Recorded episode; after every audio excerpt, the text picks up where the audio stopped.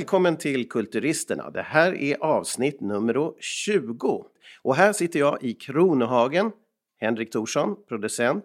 Och med mig har jag som vanligt vår expert och vän i Sibbo. Erik Snellman. Välkommen!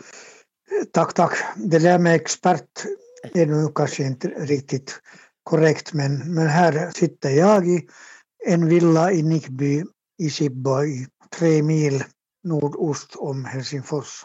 Ja, och så många gånger som du har förnekat ditt expertkun din expertkunskap, så det vet jag inte, men inte i alla fall 20, men nära, nära på. Eh, en fråga som har kommit upp nu under dagen, det är ju det att eh, statsministern i Finland har ju fått väldigt mycket fin respons och bra stöd och eh, liksom, eh, ja, partiet hennes går framåt. Hon är ju en centralfigur nu i de här tiderna när vi gör det här, den här podcasten. Det är ju under viruspandemin. Eh, och eh, eh då tänker man ju lite grann på hennes namn och jag har ju noterat det i Finland att det finns flera som heter just hennes efternamn, det är ju Marin. Och eh, Marins har man haft, eh, känt till släkter som har taxi och sånt i Vasatrakten. Och det här är för mig som kommer från Sverige kanske lite förvånande. Och det kanske också är det för dig, Erik. Men jag vet inte, har du något att säga om den här typen av efternamn, Marin? Ja, vi har ju en hel del namn av den typen. Till exempel Berlin är ett vanligt släktnamn i Lovisa-trakten. Men nu heter hon ju faktiskt inte Marin. Hon heter Marin. Ah, där ser man. Det förklarar allt. Nej, det gör det inte. Men så de flesta släktnamn betyder ju inte någonting, eller man förstår inte dem. Och de kan se ut att innehålla eller bestå av normala språkelement, liksom vad ska man säga, Lindqvist eller någonting sånt. Men mm har man ju tänkt på någon linde och någon kvist utan det går tillbaka på den tiden då man var, enligt lagen var tvungen att ha ett släktnamn och det är ungefär 100, 120 år sedan. Mm. Före det hade man ju liksom faders namn eller moders namn möjligen. Eller om inte fanns fader och moder så hade man namn efter den by därifrån man kom. Ja, just det. Men, men finns det någon, utan att du har fått förbereda nu, men finns det någon koppling när det gäller marin och marins till någonting? Är det så enkelt att det har med marint att göra? Eller vad, vad skulle, har du ens någon gissning eller har du någon kunskap i det fallet? Mm, jag tror inte att det finns en koppling mellan, mellan hennes namn Marin och, och, och det svenska adjektivet marin. Ja. Men uh, men jag har nog inte undersökt saken på något sätt. Men marinen är ju annars en, en fin, ett fint eh, eh, släkt inom militära verksamheter och hon är ju också imponerande och eh, eh, ja, liksom ger ju respekt med sig. Så att på så vis så stämmer det att hon är ju som en marinsoldat på något sätt. Både trevlig och, och duktig och, och, skarp tycker jag i alla fall. Men vi får väl undersöka det här. Det är ju roligt att hon, hon är ju här också i kvarteren där jag sitter och här händer ju allting just nu. Och, och äh, finns här i kring och våran podd är här och allting är på samlat på samma ställe. Eh, det här är alltså den tiden när vi har avstängt då, eh, eller vi, det är Marin som har avstängt, stängt av hela Nyland där Erik och jag sitter då. Men vi ska tala med två andra gäster snart och de sitter, en av dem sitter också i Nyland men den andra är faktiskt utanför. Eh, jag ska bara nämna någonting om det Helsingfors som gått. Vi brukar ju prata om det Erik och eh, eh, jag börjar med det och säga någonting om Värmland, nämligen Karlstad. Där finns ju det man brukar säga sola i Karlstad kanske du har hört också någon gång höras eller omsjunget Någon gång. uttrycket. Och det där har man ju alltid tänkt att det är solen och, och visserligen så har faktiskt delar av just Karlstad-trakten väldigt mycket soltimmar per år i Sverige. Eh, så att det helt stämmer att det är soligt. Men faktum är att Sola var egentligen en värdshusvärdinna. Sola i Karlstad var en en eh, värdshusvärdinna som möjligtvis hade lite annan verksamhet också eh, på den tiden, det var i början av 1800-talet. Och eh, det, hon uppfattades som en väldigt sympatisk och eftertraktad eh, värdshusvärdinna, eller eller åtminstone arbetade hon där. Jag tror att hon hade värdshus. Men, och då är det intressanta kopplingen nu då, Helsing, det är Helsingfors som gått, för vi har ju pratat om Kaisanjemi här. Och du Erik, du berättade mm. varför hette det Kaisanjemi? Jo, därför, säg, hur var det nu igen? Ja, någon gång på 1800-talet när eh, studenterna började, började vara en eh, liksom livskraftig och, och köpkraftig grupp i samhället. Då grundade Kajsa Wahlund ett slags café eller värdshus eller någonting sånt på en udde som hette, ja den fick heta då Kajsa Niemi och Niemi betyder alltså udde. Ja. Och möjligen så var det då så att det var de finskspråkiga studenterna som gav det här namnet i, i, på något sätt i motsats till de svenskspråkiga. Det, det fanns väl egentligen inga finskspråkiga studenter i Finland före 1860 eller 1870-talet. Mm. Men då fanns det och det blev väl det, deras... Till, tillhåll kanske? Ja. Det, ja, lite sådär som flustret i i Uppsala. Och, och, kanske så som eh, värdshuset i Karlstad där Sola fanns. Och det intressanta är att Topelius berättar för oss att Kajsa Wahlund då som du nämner här, som Kajsas udde, Kajsa Niemi, jo, var kom hon ifrån? Jo, Kajsa kom också från Värmland och hon hade faktiskt haft värdshus både i Åbo och hade också flera stycken i Helsingfors under samtidigt som hon hade det här på Kaisaniemi. Så att hon var en riktig restaurangägare av stora mått och dessutom från Värmland så var hon, är det hon som var Sola och sen är det samma person kan man undra. Åtminstone hade de samma lynne och samma gästfrihet. Åtminstone. Ja, det var så många frågor att jag kan inte egentligen besvara dem men, men det var också väldigt mycket ny information för ja. mig. Och det var det, men vi kan sammanfatta på så vis att mycket bra finns i Nyland och Helsingfors, men mycket av det har kommit från Värmland. Och jag själv kommer från eh, Värmland ibland när jag kommer från Molkom där jag brukar sitta och göra podcast med Erik. Men nu, nu ska vi hoppa till vidare här och vi ska prata om teater och vi ska prata om att skriva och skapa och minnen framför allt också. Hur gör man när man har minnen och så ska man göra dem till en text som används, eller hur? Det har du varit med om också Erik, pratade vi om senast igår. Ja, visst, visst. Här finns då två gäster nu har vi med oss. Vi har ju pratat en stund här om, om det Helsingfors som gått och eh, om eh, eh Kajsa Niemi och den där krögaren där. Men nu ska vi hoppa till något helt annat och prata om teater faktiskt. Eh, och vi har två gäster med oss och det är dels en eh, gäst som vi har haft tidigare, nämligen eh, Rico Eklund ute på sin ö. Hej Rico! Hejsan hejsan! Hälsningar från ytterskärgården. Oj, härligt. Hälften på vägen till Stockholm. Precis, halvvägs mellan Helsingfors och Stockholm. Just det. Och sen har vi den stora äran att ha med en av Finlands främsta regissörer också, eller regissörer som man säger här, nämligen Joakim Groth. Välkommen med. Tack, tack. Och eh, ni två är ju nu på skilda håll. Var, var finns ni? Ja, vi vet ju var du finns, Rico. Var finns du, Joakim? Jag finns i Brunakärr i Helsingfors. Jag är nere i källaren. Jag har lyckats åstadkomma ett arbetsrum här i ett, i ett källarrum i vårt hus. Så jag är mer eller mindre barrikaderad här för det mesta. Just det, för det är ju den här tiden nu när det är avstängningarna och virusepidemin. Vi håller oss inne allihopa.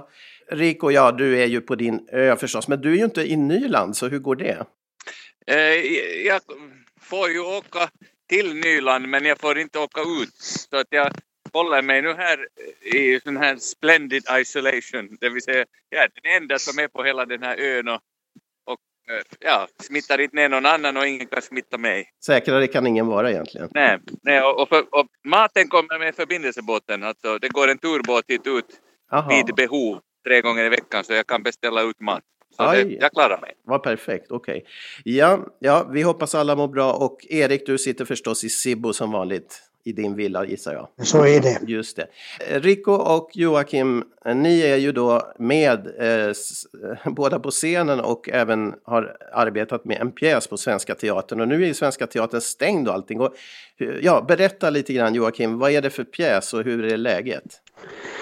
Ja, vi hade ju faktiskt premiär, han har premiär på Vi är bara människor, min, min pjäs som ju är en autofiktiv berättelse om mig om mina föräldrar, om deras liv som rör sig lite i olika tids, tidsperioder. Som vi hade premiär och spelade sex föreställningar innan, innan teatern då stängde för, för den här våren. Och hur känns det då? Eftersom den är ändå planerad att spela i något skede nästa nästa höst eller vinter så att, så att det tröstar mig. Och sen är jag glad att vi lyckades ha en premiär och att vi hann spela sex föreställningar. Så det var ju väldigt, eh, väldigt skönt. Det kunde ju ha gått, gått värre. Så att ja, jag tar det med jämnmod. Och, och, det är alltså en pjäs där du själv, det handlar om ditt, din familj, eh, dig själv delvis. Du själv är med på scenen och du själv eh, är med också som andra roller, alltså andra spelar dig också, två, två till personer minst. Eh, så, eller hur? Så, så du spelar ju själv dig i början också. Mm. Um, Eh, så, och du, ja, så hur är det? Ja, eftersom den är så självbiografisk och personlig den där pjäsen så, så tyckte jag att jag på något sätt borde själv vara på scenen och uh, i alla fall introducera hela den här berättelsen. Så, att, så det är vad jag gör, jag är med en, en bit i början och sen, sen övergår min roll åt Rico som spelar då mig som, som, som äldre. Och ja, jag tycker att det känns jättebra och roligt att, att kunna vara med och öppna föreställningen. Det, det känns helt rätt att jag gör det. Det tycker jag också att det gör. Ja, du ger den liksom till Rico, över, lämnar över det, föreställningen till Rico där i början. Hur, hur är det för dig då, Rico, att du spelar då regissören här? No, det, det, det, är mycket speciellt eh, och mycket ro, roligt. I början kändes det ganska märkligt och, lite konstigt. Varför det? No, att spela någon som man hela tiden har framför sig. Ja. Eh, och som så att säga... Ja, det, det, är mycket konstigt men samtidigt är det ju en fördel för en skådespelare. Har ju, man har ju ofta någon, eh, även om man inte spelar någon person som har funnits eller finns på riktigt så, så tänker jag själv åtminstone ofta på någon person som påminner om den karaktären på något sätt för att få inspiration. Och nu hade jag då Joakim under hela repetitionstiden framför mig hela tiden så han kunde ju inspirera mig hela tiden att ta intryck, eller jag skulle ju då spela honom så det var ju fritt fram att ta intryck. Och, ja, det var intressant och, och småningom så, så började det kännas, från att kännas konstigt och lite svårt och sådär så började det kännas ganska roligt och till och med så roligt att jag nästan i, där i slutskedet började tycka att jag är Joakim mera än han själv. Fast jag ju förstår att det är så. Men, men det där, ja, det var intressant det där slutskedet där. Jag har ju faktiskt följt er. Jag har ju filmat där på teatern i några veckor. Det var ju något skede när ni började använda kostymer Eh, då det fanns två stycken Joakim och sen Joakim själv. Och jag sprang där i teatern för att leta rätt på den riktiga Joakim. Och jag, eh, två gånger så missade jag på det för jag följde fel personer. Så det var mycket märkligt. Tyvärr har jag inte filmat just det, det hade ju varit skojigt men jag kan ju berätta det här. Men um, jag var med om att ni två, Rico och Joakim, ni diskuterade ju i något skede eh, hur Joakim, hur du hur du rör dig och eh, sitter och sådana här saker. Så ni hade ett gemensamt rollarbete där? det som jag tyckte var intressant så där rent konstnärligt var ju det här just att, att eh, teckna efter levande modell. Mm. dig själv? I det här fallet var det jag själv, ja.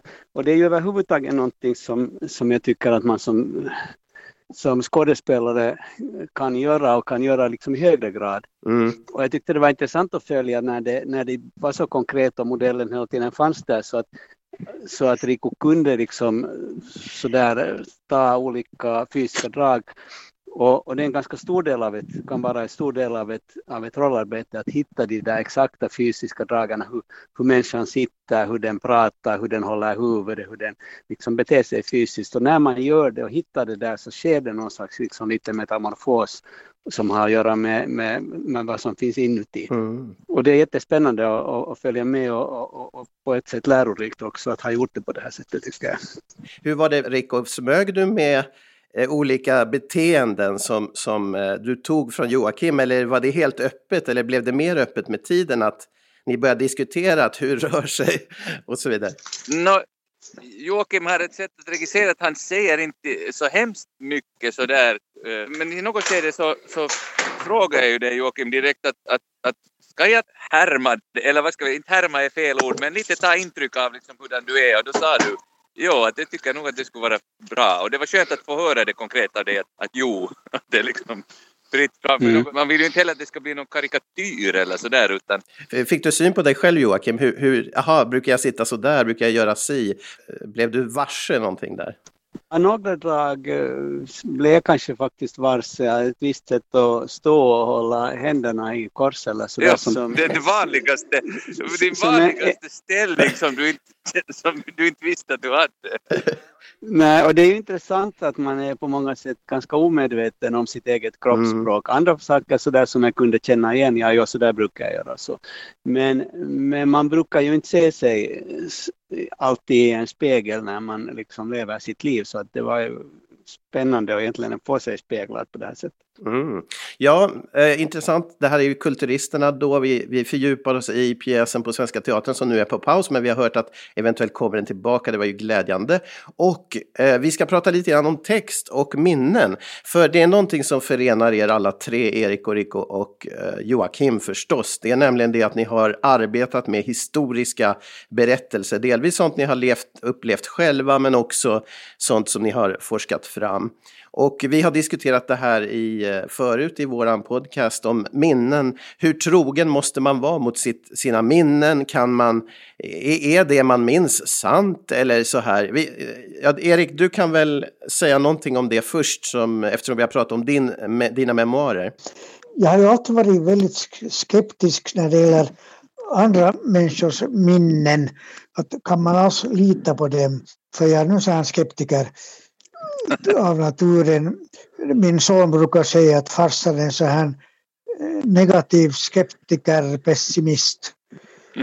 Men, men nu märker jag ju när jag kommer ihåg saker och ting att jag kommer ihåg sånt som jag bevisligen aldrig har varit med om. Och det är ju en ganska märklig upplevelse. Men hur tänkte du lösa det? Tänkte du ha med det så som du minns det eller tänker du, ja hur gör du? No, en möjlighet är ju att jag helt enkelt skriver ner det så som jag kommer ihåg och struntar i om det är sant eller inte sant.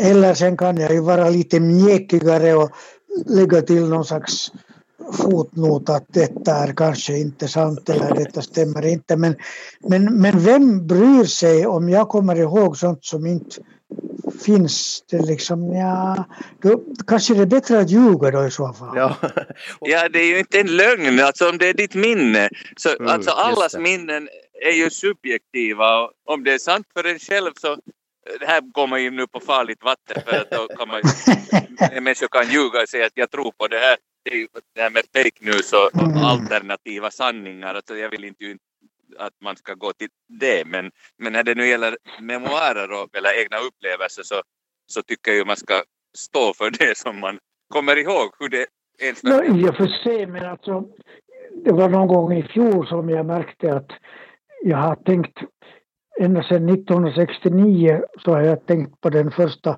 månlandningen med Apollo 11. Och jag har ett mycket tydligt minne att vi satt och tittade på tv hela familjen på, på sommarstugan för det var i, i juli månad. Men eh, efteråt så har jag ju förstått att vi fick ström till vår stuga först två år senare. Men ni kan ju ha haft ett, ni kan ha haft ett aggregat som höll den där... Nej, nej, nej det hade vi det, det hade vi aldrig och inte batterier heller. Nej. Men Rico, du har ju skrivit, eh, som vi har talat om i en intervju tidigare också, den här boken om din farmor och du har samlat massor av material och du har ju också egna minnen från det där. Så, så hur förhöll du dig till det du mindes och även till den historia som återberättades? No, alltså, jag utgick från farmors egen text om sitt liv. Eh, så där hade jag ju inte orsak att ändra, men de facto, ja, jag ska inte ljuga men det där, jag hittade nämligen en annan version av hennes minnen mm. som hon hade eh, som så att säga orenskrivet. Och jag plockade faktiskt därifrån för det var, det var på ett sätt bättre, det var mer detaljerat och, och så, sånt som jag tänker att hon har tänkt då för länge sedan, alltså för nästan 50 år sedan att, att det här är inte sånt som liksom flera, utan det är så privat eller så här. Mm. Eh, men, men idag ser man ju på, på sådana här eh, personliga berättelser på ett annat sätt. Att det, det blir jätteintressant om det, om det är ganska detaljerat och, och specifikt. Mm. Uh, och det var just sådana saker som hon lite hade plockat bort i den där så att säga maskinskrivna versionen. så den handskrivna så, hade, så fanns det saker som jag plockade in. Och sen uh, förstås har jag skrivit då egna, skrev jag egna minnen i anknytning till hennes och där har jag skrivit sånt som jag sen har hört av mina bröder att inte, det där inte kan det där vara sant eller att det där, mm. hur kan du minnas det där eller någonting. Men, men det är som jag minns det. Ja, och, och, Joakim, för dig då som har gjort en pjäs till och med där folk gestaltar sanningen och verkligheten och minnena. Hur, hur har du förhållit dig till den här sanningen och dina minnen och ja, så vidare? Det beror ju lite på hur man definierar minne. Alltså om man definierar minne som, som en direkt återgivning av någonting som exakt i den formen har skett mm. så finns ju inte, inte, inte minnen eller minnen, jag tror inte att de överhuvudtaget finns, utan minnen har alltid ett inslag av, av fantasi och av skapande av den som minns. Så att, så att mer eller mindre så misstror jag nog alla mina minnen. Men, men sen är de betydelsefulla ändå, därför att de, de, också i den formen berättar de något till det som jag inte minns. Så att, men i den här pjäsen så har jag ju eh, öppet eh, använt mig av fantasier också. Där vad jag inte minns och där vad jag inte vet så, så, så framställer jag en fantasiversion. Men då, du, du, har väl, du har väl större möjlighet att göra det än om du, om du gör en memoar som Erik eller en dokumentärbok som, som Rico gjorde. För, för då är man ändå måste man inte vara mer trogen då? Medan du på pjäsen, du ska ju, i pjäsen ska du skapa en dramatik, du ska uppfinna världen där, eller hur? Eller? Ja, det är när, man, när en människa en skådespelare går in i en roll och har repliker och sådär, då tar vi ändå ett steg mot en liksom fiktiv verklighet. Mm. Och då är vi liksom borta från, från, det, från minnena. Så att då kan man lika väl, väl löpa linan ut och, och, säga att det här är teater, jag gör det inspirerat av, av mina minnen. Ja, precis. Ja. Och Rico, du när du framför Joakims pjäs då, så känns det som att du framför verkligheten? jag tänker inte på det egentligen, utan det är framföra en berättelse, en historia. Ja. Alltså tänker jag på att det verklighet egentligen. Eller det är ju förstås i den stunden är det verklighet. Alltså, men, mm. men, ja. Inte en dokument. Så, att också läsa på. Jag spelar personer som har funnits på riktigt men inte, inte på det här sättet alltså i dagen utan historiska personer som jag har läst på om. Mm. Och sen i något skede måste man egentligen glömma, inte allt, men det mesta och, och utgå från den text man har för det, man kan liksom inte spela mera eller inte så hemskt mycket mera än det som står. Alltså, mm. Utan det är det som är utgångsläget, den, den, den dramatiska text som, som man ska spela och inte mm. all information den där personen som finns att tillgå. För det kommer jag ihåg att då vi spelade för länge sedan Amadeus, jag läste på Mozart hemskt mycket men, och försökte tränga in i de där scenerna sånt som jag hade läst men som egentligen inte alls fanns i pjäsen så det, det rymdes inte liksom. Så då lärde jag mig att nej, att inte kan man inte kan man liksom pressa dit sånt som inte finns där egentligen fast den där personen på riktigt har haft de egenskaperna eller gjort si och så eller tänkt det, det och det. Mm. Har du haft det problemet Joakim, att du trommar in för mycket i varje, varje del? Eller försöker få med? Ja, det gör man ju alltid. Det, det som tycker jag är centralt som tolk, tolkandet, eller det var vi inbegriper i ordet tolkning. Vi tolkar alltid, vi, tolk, vi tolkar våra minnen också, eller vi tolkar liksom det som, som, som, vi, fin, som vi har varit med om och gör det till minnen. Och, och minnen tolkar vi också när vi, när vi försöker framställa dem på scenen. Så det finns alltid det här förvrängande elementet. Sen en annan sak är liksom som eh, är sceniskt vettigt och hur mycket man kan ha.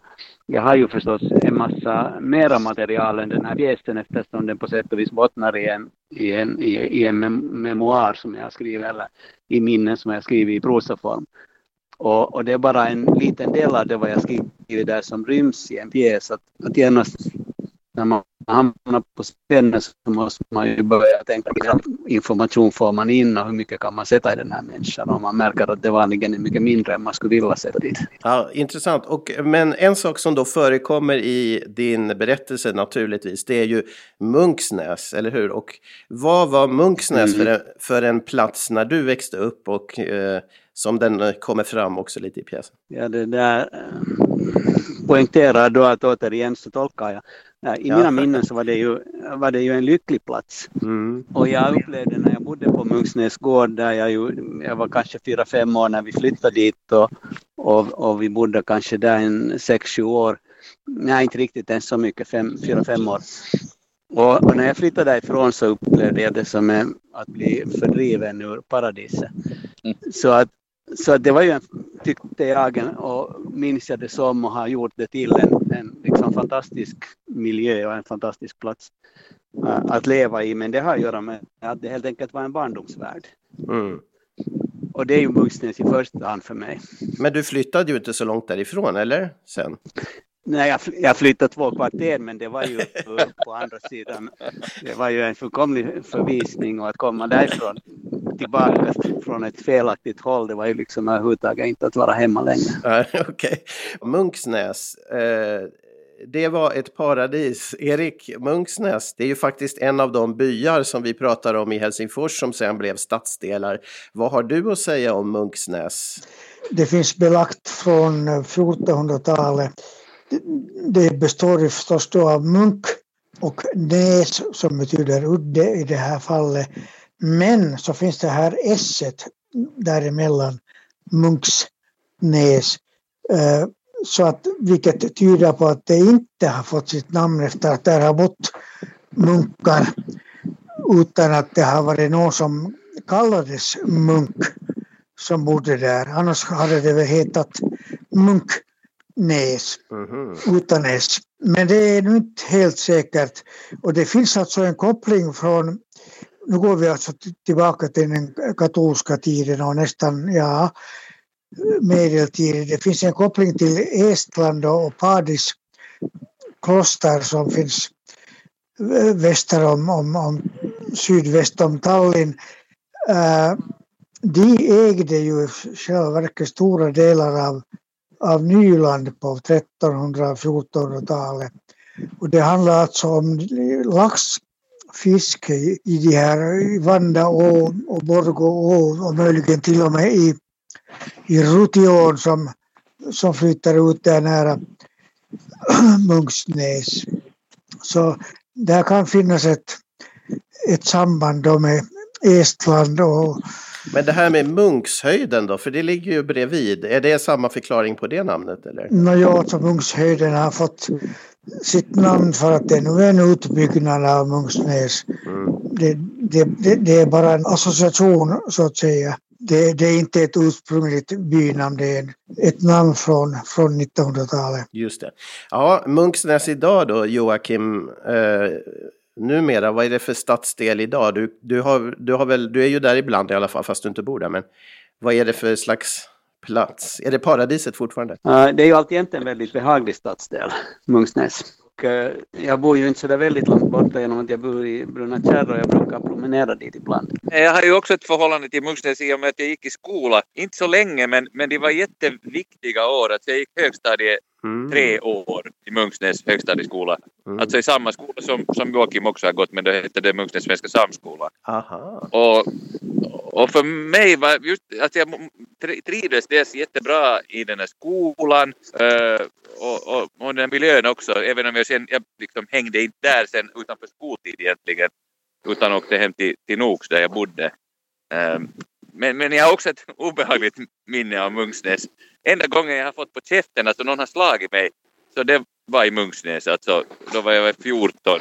Jag talade svenska på spårvagnshållplatsen och så kom det ett gäng med finska killar som ville ha tobak och det hade jag inte så slog de mig. Så, okay. Men sen spårvagnen kom så jag hann sen kasta in mig i spårvagnen så jag kom i skydd. Men är det typiskt för Munksnäs att det kan uppstå språkstrider på det där sättet eller eh, genom det var ju nu rätt länge sedan det där i och för sig. Men... Det, här, det här är länge sedan, det här är alltså slutet av 70-talet och då fanns det alltså eh, munkagäng mm -hmm. som, som var betedde sig mycket hotfullt. Jag minns när vi hade skolfester så måste alltså föräldrarna komma med bilar dit efter för att man inte skulle bli slagen när man kom ut från skolan. Var det samma för dig Joakim? Mm, nej, inte egentligen. Det fanns, fanns ju nog språkkonflikter och språkstridigheter i Munksnäs, men jag tror att det var värre faktiskt i slutet av 70-talet än, än då när jag gick i skolan där.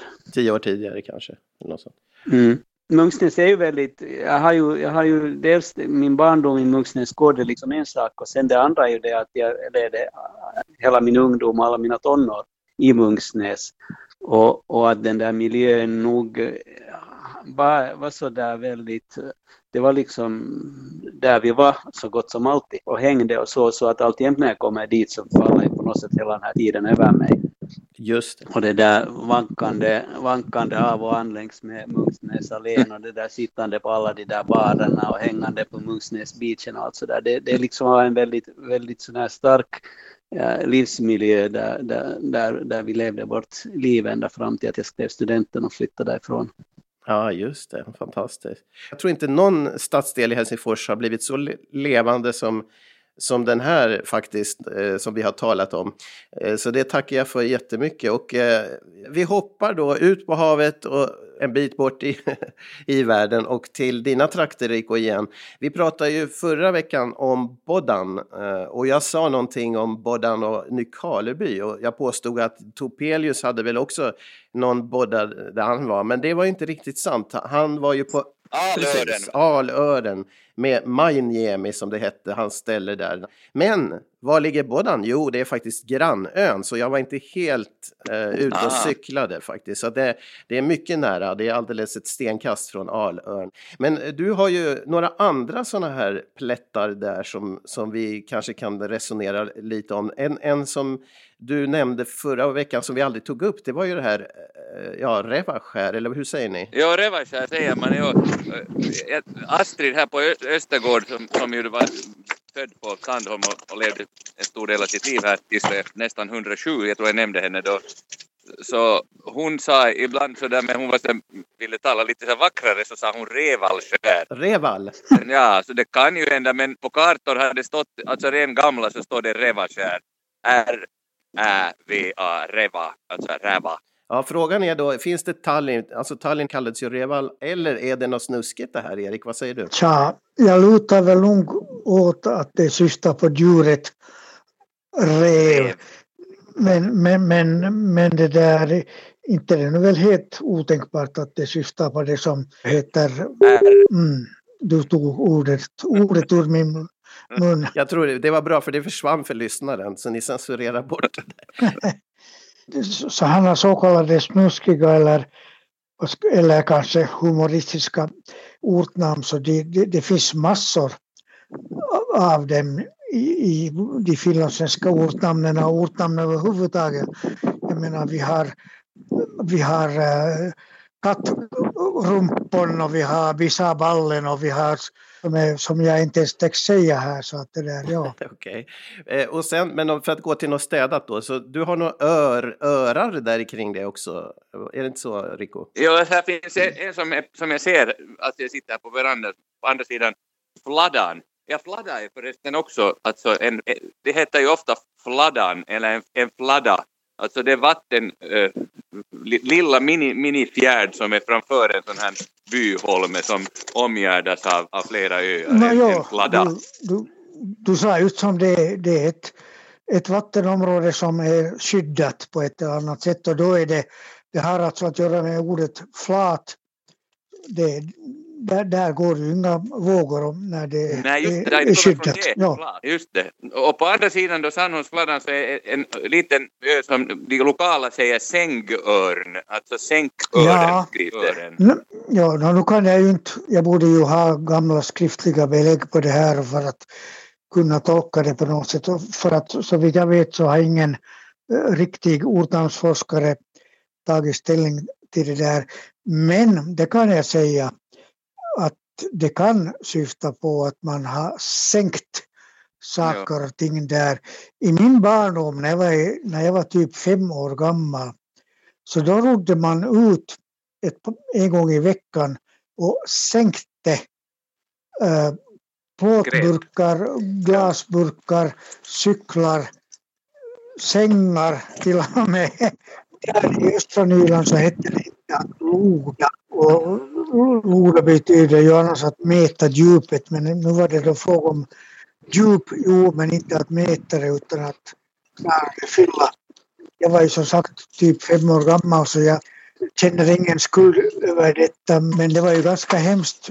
Men det var ju ett sätt att bli av med dem, ja, de ja. sakerna. Och de syntes inte och de jag vet inte, plåtburkarna är säkert borta nu men glasburkarna finns kvar. Och ja, tja, så, så här gjorde ja, man. Så gjorde man, det var nog ganska fruktansvärt. Jag, jag har varit med om det här också då på 70-talet när vi började vara här mer att man gjorde det och, och bastuspisar så långt ut på fjärden bara blub, blub, blub, blub, blub, blub. Så det fanns ett sånt här uttryck, håll skärgården ren, släng skiten i sjön. Men hur, hur, hur, var det det här med, med ör då? För det känner jag igen från Österbotten också, det här ör. Ör betyder helt enkelt grus eller en grusig strand. Det är det som finns i namnet Helsingör till exempel. I östra Nyland talar man om örsten och då menar man rapakivi-granit, sånt som förvittrar. Aha. Här finns bredvid Sänkören finns det en, en, uh, ungefär, eller också en väldigt liten holme som heter Moringören, alltså Moringören, men Moringören brukar man säga med ån. Ja, det kan jag inte kommentera tyvärr. Aha. Okej, okay. tack så mycket hörni, verkligen spännande och eh, hur blir det nu? Eh, Rico, du, du har ju, vi måste ju tipsa om det, du sänder ju live av och till och allting där ute på ön, så det måste ju våra lyssnare ta del av. Berätta! Jag sänder dagligen ungefär klockan ett på Facebook Alltså de är, de är offentliga, alltså man behöver inte bli så att säga vän med mig på Facebook för att, för att se dem. Man måste ha en Facebook-profil för att komma åt dem, alltså, eller, eller någon kompis som har det. Och vad är det, vad är det du gör där, berättar du där? Det är liksom under rubriken Riku berättar, Rikun tarina tuokio, Rikus tales. Jag försöker tala Eh, tre språk, mest blir det svenska, men, men jag har haft ett par sändningar enbart på engelska och också fått eh, internationella kontakter som har velat att jag ska göra det. Uh, utgående från något föremål som jag har hemma. Oj. Jag börjar med dem alltså i stan och sen har den hållit på här nu i, i, i tio dagar på Sandholm. Utgående från något föremål jag har hemma så berättar jag en historia från det, alltså inte hitta på utan, utan berättar det där föremålets historia eller någonting som anknyter till det. Idag till exempel talar jag om drycker och glas och berätta om den gamla greven av Sandholm, Alfred Lundströms grevens blandning som han brukar bjuda på som har gin och vermouth. Oj, vad spännande! Ja, men det måste vi tipsa alla som lyssnar att gå till och dessutom får vi hyra in dig och berätta de här historierna hos oss också. Eh, eh Joakim, hur, hur, hur eh, vad heter det? Jaha, det var det. Men hur, hur spenderar du dina dagar nu som väntande regissör och ja, debutant också, för du har ju faktiskt debuterat på Svenska Teatern. Scen. Ja, jag, jag använder mina dagar till det vad jag brukar använda mina dagar till när jag är det vill säga jag skriver. Och jag är ju van att distansarbeta hemma så att, så att jag har en arbetsperiod och jag kanske bakar lite paj Framförallt sitter jag och skriver. Och hur blir det med gruppen när ni ska ta upp pjäsen igen? Då måste ni ju jobba nästan jättemycket för att re repetera upp, eller hur går det till? Nej, jag tror inte vi behöver jobba så väldigt mycket. Folk är relativt förberedda antar jag ändå. Jag tror att vi ganska snabbt får, får ihop den på nytt. Det brukar uppvärmningsrepetitioner ta så fruktansvärt länge. Nu kommer det visserligen att ha varit lång tid sedan senast, men i alla fall. Just det. det var tur att vi har spelat den ändå. Vi hade eh, ju flera genomdrag alltså där just innan och så spelar vi och så spelar vi den veckan ja. och hade väl dubbla mm. på lördagen ännu så det blev en sån där intensiv vecka. Sen blev det ju tyvärr då sen paus. Så det där. Ja, vad fint. Vi önskar er lycka till eh, Joakim och Rico på färden mot eh, ny uppsättning och i era isolationer där ni befinner er. Ha det så bra och tack så mycket. Tack, ha det gott. Hej Gogi. Hej. Hej, hej, hej Rico.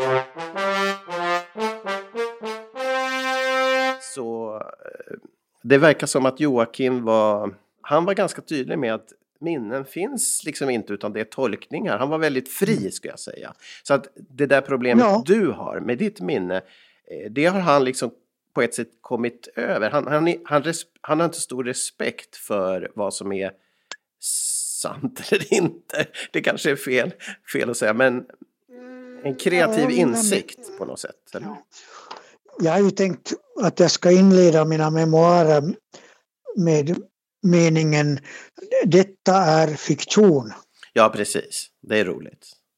Men så, att, så att på sätt och vis kan det han sa vara till hjälp för dig? Ja, jag fick lite bekräftelse. Alltså jag får ju nog varje gång som jag diskuterar den här saken med folk så har jag märkt att folk är så att säga liberalare än vad jag har trott egentligen. Ja, precis. Att det är ganska, säll, ganska sällan som någon påpekar för mig att det måste vara absolut sant. Utan väldigt många människor, och då talar jag inte om skådespelare eller regissörer utan så kallade vanliga människor brukar också säga att Nej, men du, du skriver vad du vill. Ja. Och så, ja. Men, eh, men eh, det här bilden av Munksnäs, eh, det här dagens by i Helsingfors som ett paradis, det var ju också spännande. Det är ja. ju fint där alltså. Där ligger vi väster, en västerstrand och fina hus. Ja, det, det är ju ett slags udde som sagt, Munksnäs. Ja. Och, och där finns ingen genomfartstrafik och där är naturen och haven nära. Mm, ja. Och hur är det med presidentens eh, så att säga hus där presidenten bor? Är det på samma ställe? Eller? Ja, det är inte Mungses utan det är Mejlans. Men det är ju liksom typ ett halvt stenkast därifrån kan man väl säga. Ja, just det. Ja, men eh, det var många givande stunder här. Vi hoppas att det hördes något. Och vi fortsätter. Vi ska titta på Rico live på Facebook och vi ska glädjas och eh, läsa och skriva. Och vi återkommer till de här berättelserna om Helsingfors och det som har gått och allt det här. Och ja, varför inte skriva en bok om det Sibbo som har gått också? Skulle det vara något bra? Ja, men det, det har skrivits många böcker om Sibbo. Det har det faktiskt. Ja. Jo, jo, jo. så det, det behövs jag inte till. Nej, nej det, det behöver inte du skriva. Men vi tackar för den här gången och önskar Erik välmåga där du är. Tack, tack.